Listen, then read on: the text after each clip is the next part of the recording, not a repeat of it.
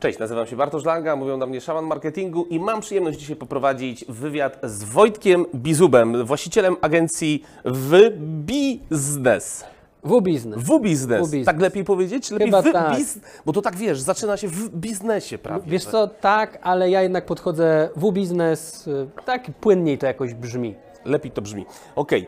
Eee, Wojtku, więc może zacznijmy od tego, e, bo e, czy warto w ogóle planować? Wiele firm tego nie robi. Przed nami bardzo wiele pracy. Cieszy pewnie to Tak. mnie i Ciebie. Wiele firm tego nie robi. Nie planuje swojego marketingu w biznesie. Czy warto go planować i dlaczego go planować? Zresztą to ostatnio pokazał koronawirus, że nie do końca te plany, które chcemy przeprowadzić w biznesie, mogą się sprawdzić i przyniosą nam sukces. Zdecydowanie warto planować, wiesz to tak samo ty jak i ja, e, bo to um, ogarnia, tak, znaczy to tak naprawdę roz, roznosi tę kwestię chaosu. Nie musimy się tak uganiać jak ten chomik, kiedy mamy rzeczy zaplanowane.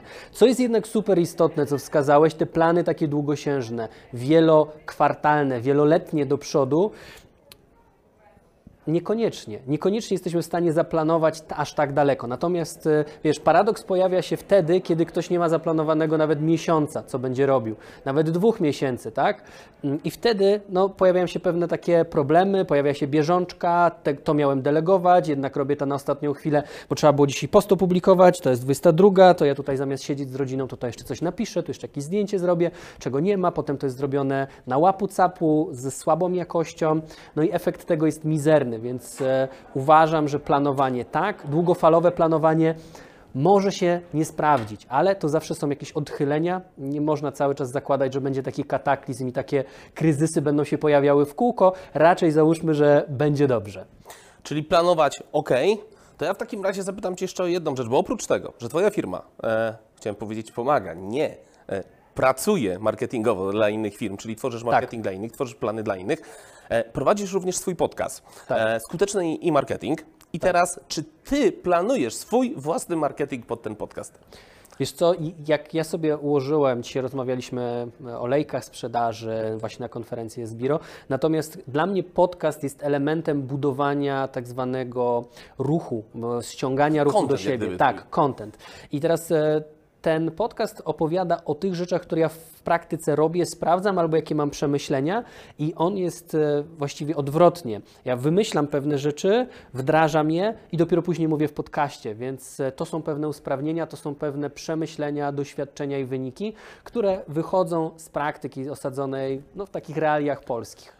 Więc jeżeli miałbym powiedzieć, czy biznes układam pod podcast, no to myślę, że podcast jest dla mnie narzędziem rozwoju biznesu, ale jednocześnie dzielenia się swoimi przemyśleniami, wysyłania pewnych sygnałów biznesowych, mówienia o tym, co robię, pewne takie use- cases, czyli użycia tego, co robię w praktyce, na to, jakie to przekłada się później na wyniki i to jest właśnie dla mnie tutaj podcast. Czyli jak gdyby plan podcastu, plan promocji tego jest, natomiast to, co wychodzi Ci obecnie w biznesie, case'y, nie wiem, różne Mhm. e, przykłady z klientami, które macie, przekazujesz w podcaście, przekazujesz to swoim Dokładnie słuchaczom. w taki sposób to funkcjonuje. Czyli można powiedzieć, że nie ma tak naprawdę takiego jasnego planu. Jedno jest założenie operacyjne dla mnie w podcaście, że te treści powinny być evergreen, powinny być wiecznie zielone. To oznacza, że raz wykonana praca powinna po opublikacji pracować dla mnie Przez cały czas. czas. Czyli na przykład jak ktoś wysłucha tego odcinka za 3 lata, to może nie w 100%, ale w 90% on będzie dalej aktualny.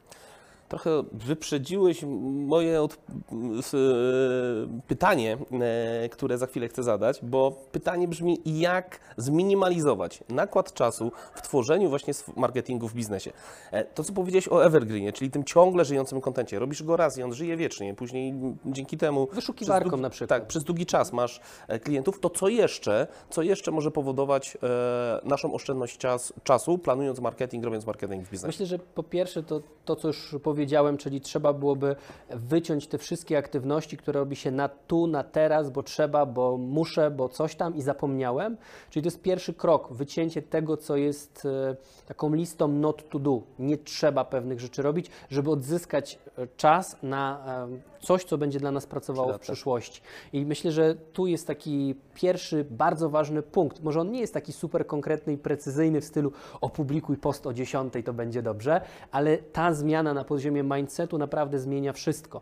Nie goń za białym króliczkiem, postaw na coś, co być może nie przyniesie efektu na koniec tygodnia, ale na koniec, koniec kwartału będziesz mieć system, który dostarcza Ci te rzeczy powtarzalnie. To jest e, pierwsza rzecz, czyli odzyskaj czas, tak mógłbym tą radę nazwać. Druga rzecz, weź sobie białą kartkę papieru, długopis swój ulubiony i po prostu rozrysuj sobie, co Ty w tym marketingu chcesz i po drugiej stronie, czego nie chcesz. Ja to też lubię robić takie ćwiczenie przez inwersję, czyli powiedzenie, czego ja nie chcę mieć w swoim marketingu, co mnie wkurza w innych firmach. To jest też element planu.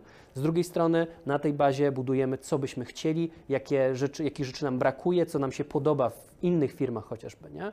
No i teraz, mając te dwie rzeczy, jesteśmy w stanie, ok, to tego nie chcę, to chcę, to w związku z tego, jakie taski, jakie zadania trzeba zrobić, jaką listę to do ja mogę na tej podstawie opracować i później mm, mogę to wdrożyć. I teraz najlepiej, kiedy przedsiębiorca ma takie zasoby albo finansowe, albo ma takich ludzi w zespole, albo jakieś kontakty, do których się może odezwać powiedzieć, OK, to zadanie dotyczy tutaj, trzeba przeprojektować naszą ofertę tekstową, którą wysyłam do klienta. Dobra, no to e, tutaj jest Krzysiek, Krzysiek to ogarnie, wyślę mu maila. Drugie zadanie, e, inny biznes, e, e-commerce, no to trzeba mi napisać teksty do opisu kategorii na sklepie internetowym. OK, to to robi Damian. Napiszę do Damiana i mu to deleguję. Bardzo prosta czynność, którą można byłoby wykonać przy porannej kawie albo po kawie.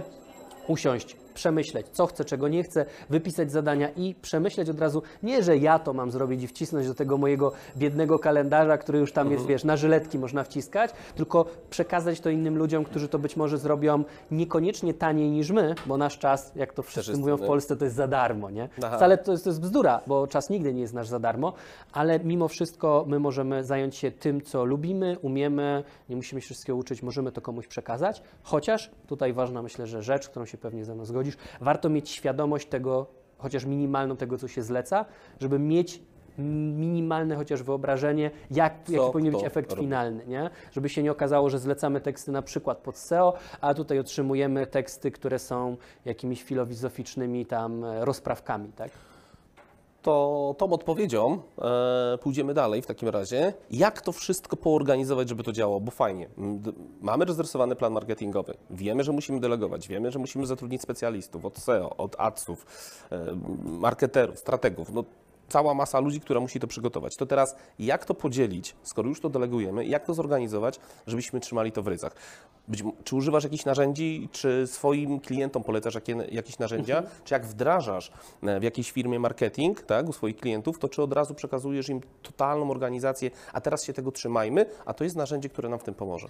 Więc e, ja korzystam z narzędzia, które jest Google Docsem i ono zawiera wylistowane działania, które mają e, podział na te zadania, które robisz raz i raz wykonana praca ma działać cały czas, czyli stwórzmy stronę lądowania, która zawiera ofertę danego produktu. E, Ona zawiera na przykład formularz, który automatycznie trzeba raz napisać maila z podziękowaniem za zapis do formularza i zgłoszenie zapytania ofertowego. I są rzeczy, które trzeba wykonać raz, ale są też zadania powtarzalne, czyli na przykład powtarzalnie trzeba wysyłać newsletter. No trudno jest zautomatyzować newsletter, są narzędzia, które to teoretycznie robią zaawansowane, więc nie chcę teraz poruszać w tak krótkim formacie te, tej rzeczy. Natomiast trzeba było podzielić sobie działania na te, które trzeba zrobić raz i na te, które będziemy wykonywać regularnie. I wtedy co to znaczy regularność? Czy to jest raz w miesiącu, raz w tygodniu, czy raz dziennie? Na przykład stories, raz dziennie, tak? Chociaż znowu, jak dochodzimy do tematu treści, to z jednej strony to jest takie planowanie tego z góry, takich treści, ale z drugiej strony pojawia się coś takiego, że masz jakiś pomysł, albo rozmawiałeś z jakimś klientem, albo ktoś ci powiedział, w sumie to nie ma znaczenia, do którego optyka pójdę. No i nagle ty jako optyk, jeżeli prowadzisz na przykład sprzedaż okularów, dobór soczewek, no to masz teraz myśl, jak to nie ma znaczenia? Przecież to ma kolosalne znaczenie i tworzysz post, dlaczego to ma znaczenie. Ale nie da się pewnych rzeczy zaplanować z góry z wyprzedzeniem na duży, jakiś tam długi okres. Trzeba to robić po prostu w tym wypadku. Mieć coś zaplanowane, ale zostawić sobie jakiś bufor typu 25% na to, wrzutki. żeby zareagować na to, co ci rynek podrzucił. I to jest ta elastyczność jest bardzo potrzebna i wtedy mamy poczucie, nawet jak e, robi ktoś dla nas marketing, ktoś te treści tworzy, to mamy poczucie, że ten marketing żyje życiem firmy, a nie życiem, age- życiem agencji, które jest e, no, e, taka powiedzmy bardzo sztampowa, no bo trudno jest, żeby agencja tak właśnie zadziałała, bo nie ma styczności, nie ma chociażby rozmów z klientami docelowymi i nie ma tych takich e, obiekcji, tych pytań, tego wszystkiego, nie? tych takich smaczków, które pogłębiają i nadają atrakcyjności naszemu przekazowi. Okej, to w takim razie powiedzieliśmy już, jak to robisz, jak organizować, jak oszczędzać Więc zadania czas. jednorazowe i zadania wielokrotne, powtarzalne. Nie? To, Okej. to taki bardzo prosty podział. No dobrze, to teraz jak w tym wszystkim się nie pogubić? Jakich błędów nie popełniać w marketingu? Jakich błędów nie popełniać w marketingu? E, To jest e, złożone, bo w jakiej sytuacji nie popełniać? Trudno jest mi tak powiedzieć. Natomiast ja bym chyba powiedział o dwóch rzeczach, które są nagminne i które się najczęściej pojawiają. Pierwsza rzecz, pierwszy błąd, który widzę i jednocześnie znam mnóstwo przypadków i badań na to, że nie można czegoś takiego robić. To jest ukrywanie ceny. Klient jak idzie do salonu Audi, to mniej więcej wie, że zapłaci tam od 100 do 600 tysięcy za samochód i to są jakieś widełki. Mniej więcej wie, czego się spodziewać. Jak na przykład idzie kupić kafelki, to wie mniej więcej, ile się spodziewać. E, jak e, tak samo chce kupić jakąś usługę, czy księgową, czy marketingową, czy prawniczą, czy jakąkolwiek tak naprawdę inną, to chciałby chociaż orientacyjnie poznać widełki za to, co będzie trzeba zapłacić. Wiadomo, że są za każdym razem, to zależy i tam na 14 różnych sposobów można to liczyć, ale taki ogólny brief tego, ile trzeba będzie zapłacić, to myślę, że jest super istotne i wszystkie badania wskazują, że jako klienci tego chcemy. Przedsiębiorcy mówią, że jako klienci też tego chcą, a na swojej stronie to ukrywają. Ukrywają. Bo myślą, że jak złapią na klienta za łokieć na spotkaniu, to mu tam nawiną makaron tak, że cena nie będzie grała roli. Guzik, prawda, może się okazać, że on przemyśli, odpada, marnują dużo czasu, a tak mogliby powiedzieć, a potem się okazuje na koniec dnia, że te ceny wcale nie są wysokie. Tylko klient ma świadomość, przychodzi świadomy, kupuje, oszczędza mnóstwo czasu. To jest pierwsza rzecz. Druga rzecz to jest chowanie opinii albo brak opinii w ogóle o tym, co robimy.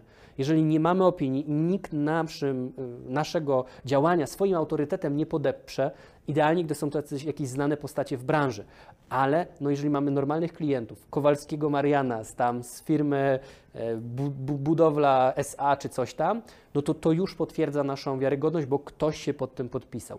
I tutaj idziemy dalej.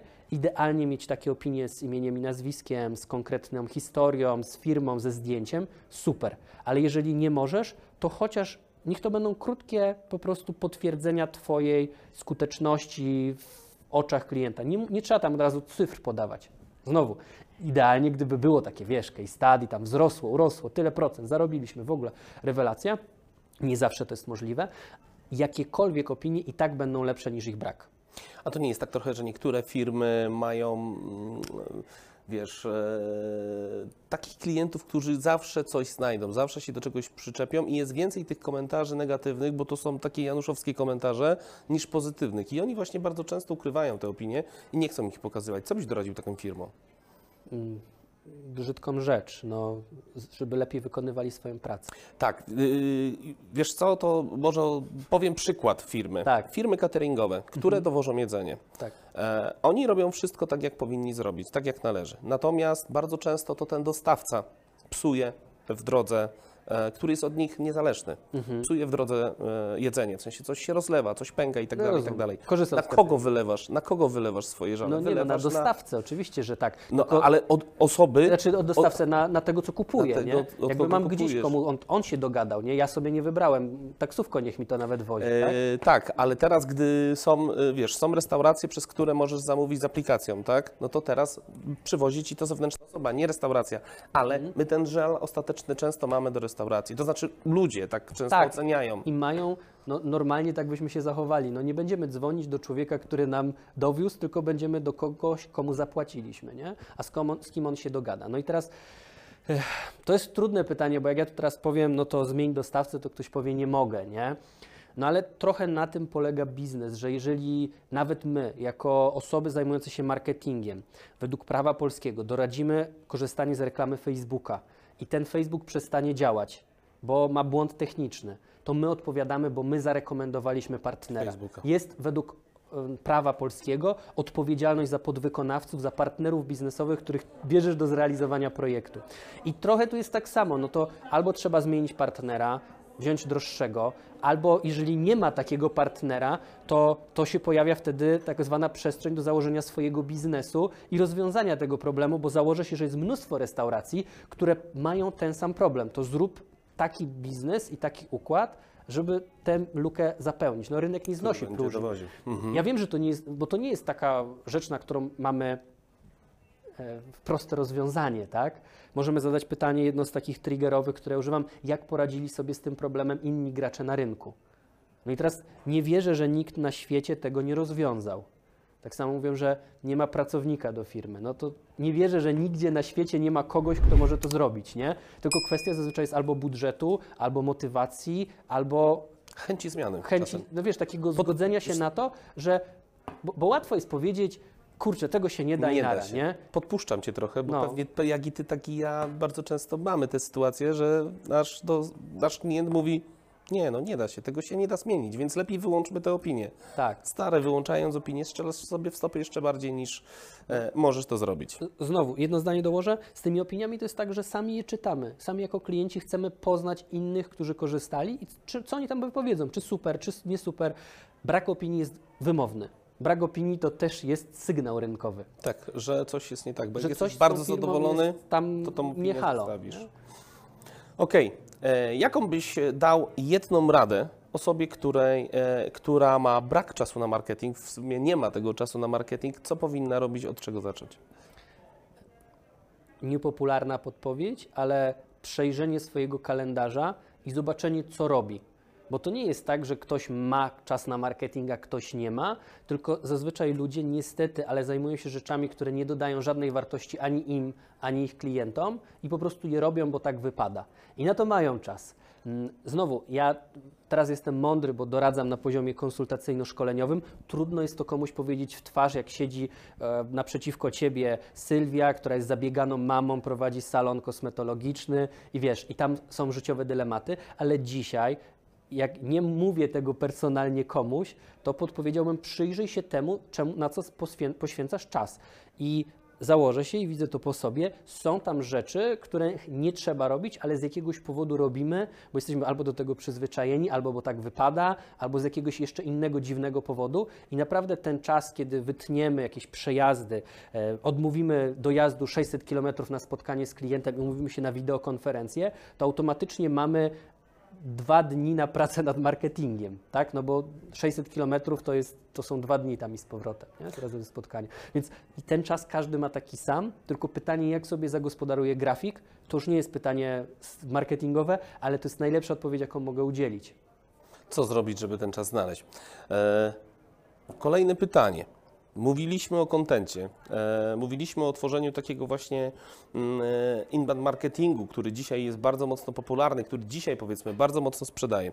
Czy zgodzisz się ze mną, że zawód sprzedawcy, nie mówię o obsłudze klienta i fakturzystkach, bo to jest troszeczkę coś innego, mówię o typowym sprzedawcy, pomalutku zaczyna odchodzić do lamusa, w sensie, że często jest tak, że klient przychodzący do sklepu, czy to fizycznego, czy online'owego, 70% klientów z badań, jest to potwierdzone badaniami, wynika, że oni już wiedzą, co chcą kupić. Oni tylko przychodzą po to, żeby faktycznie się utwierdzić. Myślę, że zawód samego handlowcy tak, jest e, w odwrocie. Zawód konsultanta nie. E, Czyli konsultant to jest ktoś, kto po partnerstwie Taki opiekun klienta, tak, coś takiego. doradzić. I tak, opiekun klienta, ktoś, kto będzie miał perspektywę, zada odpowiednie pytania i będzie w stanie nie tylko mówić, powiedzieć, to jest mój produkt i on będzie dla Ciebie najlepszy, bo to robił handlowiec, czyli nieważne, co klient chciał, to on i tak, Tak. tak sprowadził rozmowę, że Tych osób nie chcemy już dzisiaj, tak, nie chcemy z i nimi. dlatego właśnie y, klienci byli na tyle sfrustrowani, że zaczęli sami się edukować. No w ogóle o tym całym, czym tutaj rozmawiamy, to jest e, protokół Google'a ZMOT, Zero Moment of Truth, czyli przed zakupem, przed podejściem do sklepowej półki chcemy się z nim zapoznać. Ja nawet widziałem badania, w których wynika, że 77% klientów B2B nie odezwie się do firmy, nie wyśle zapytania, dopóki nie zapozna się chociaż z grubsza nad tym, co sprzedaje. Co Chcemy robi. wiedzieć, chcemy mieć jakieś pojęcie o tym, co zamawiamy. No i teraz tu się pojawia rola content marketingu, który na tyle będzie dobry, na tyle będzie przekonywujący, że ktoś zacznie patrzeć, okej, ten człowiek dał mi jakąś inspirację, ja tutaj go poszukam, może zobaczę to, jeszcze tamto. I teraz znowu pojawia się to, że my jako firmy funkcjonujemy w różnych miejscach.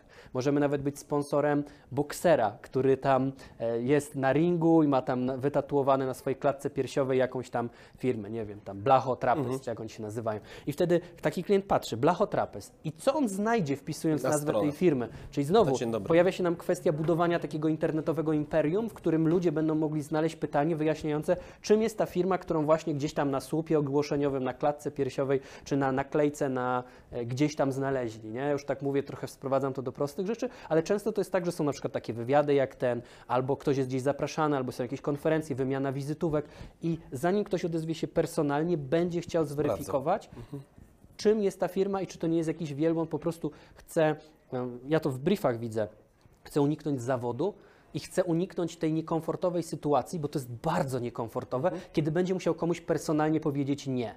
To on woli powiedzieć nie temu, że mu się strona nie podoba, że ma głupie teksty, że to jest o dupie marynie za przeproszeniem, nie ma tam żadnych konkretów. Temu woli powiedzieć nie, a nie człowiekowi, bo to jest dla nas niekomfortowe dla ludzi. Sami wiemy, jakie to jest niefajne, jak się jest odrzucanym i nie chcemy odrzucać Innych. innych. No i dlatego na przykład ta cała oprawa wizualna, którą mamy w internecie, oprawa merytoryczna, ma szalenie ogromne znaczenie w tym momencie. Czyli twórzmy content, edukujmy naszych klientów, y, opisujmy jak najwięcej o naszych produktach, tłumaczmy, jakie problemy rozwiązują. Dzięki temu firma odniesie sukces, bo to, co powiedzieliśmy, już ponad 70, 77% to, co powiedział Wojtek, e, Twoich klientów. Najpierw Cię sprawdza w internecie, a później e, przychodzi do Ciebie do sklepu. Wojtek, na koniec, ostatnie pytanie o Twoją książkę. O czym widzowie mogą się dowiedzieć z tej książki i gdzie ją kupić?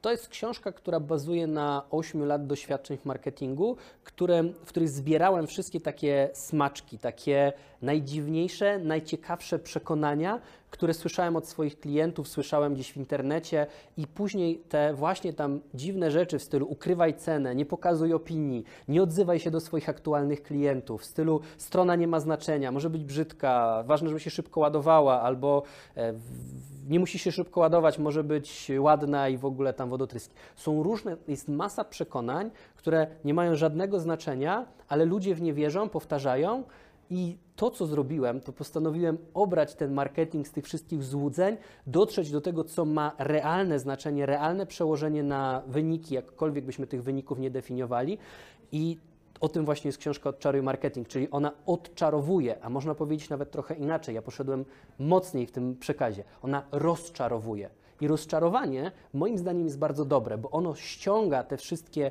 uroki, te wszystkie dziwne w ogóle rzeczy, które obrosły od setek lat w marketingu i pokazuje prawdę.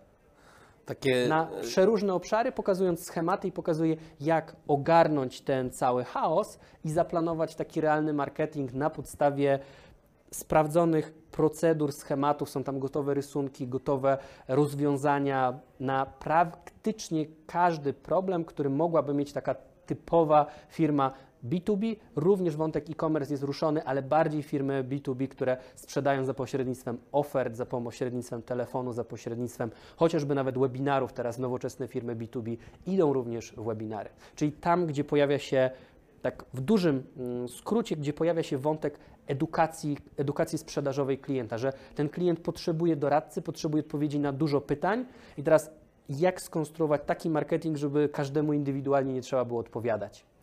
I to naprawdę i oszczędza czas i przekłada się na skuteczność. Badania potwierdzają, że w ten sposób należy postępować. Czyli odczarowujesz te paradygmaty marketingu, które często w świecie istnieją. Piszesz Tak. jak jest, e, jak Max Kolonto. Tak. Wojtek Wam w książce e, napisał, jak, Mówię, jak jest. jest. Gdzie ją możecie dostać? E, Jedyne miejsce, w którym dzisiaj można dostać książkę, to jest odczarujmarketing.pl, Odczaruj. moja własna strona, więc tam można znaleźć właśnie to źródło odczarowania. Więc zapraszamy na odczarujmarketing.pl do Wojtka i wbijajcie na inne kanały e, YouTube'owe, na inne filmy YouTube'owe na Asbiro. I co Wojtek trzeba zrobić? Coś z dzwoneczkiem podzwonić. Łapka w górę, subskrybujka i dzwoneczek. To jest bardzo ważne, żeby otrzymać powiadomienia o kolejnych krótkich i merytorycznych filmikach Asbiro. Dziękuję bardzo.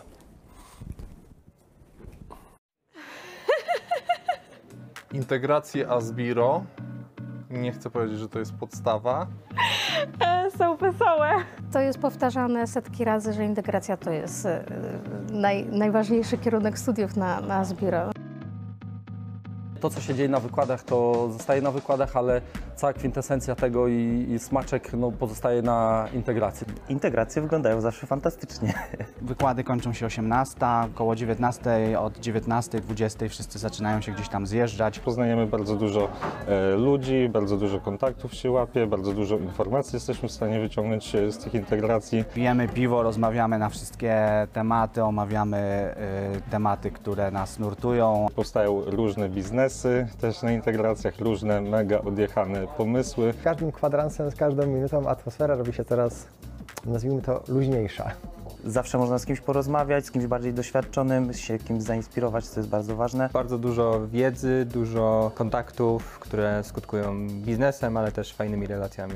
Długie i można się dużo ciekawych rzeczy dowiedzieć. Tam poznajemy siebie, poznajemy swoje problemy, każdy opowiada o firmach, o rodzinie, o domu. Można sobie przepływać między, między grupami, które różne tematy poruszają i znaleźć coś dla siebie. Omawiamy wykłady, tańczymy, bawimy się. Zawsze y, dużo przemyśleń, doświadczeń i dużo humoru do późnych godzin wieczornych. To nie jest tylko zabawa, tylko to są rozmowy przede wszystkim o, o, o, na, o tym, co robię, o biznesie, tak. Czuję, że jestem tam ze swoimi ludźmi. Po prostu ci ludzie mnie rozumieją, możemy się wymienić wiedzą i to jest to, co doceniam najbardziej.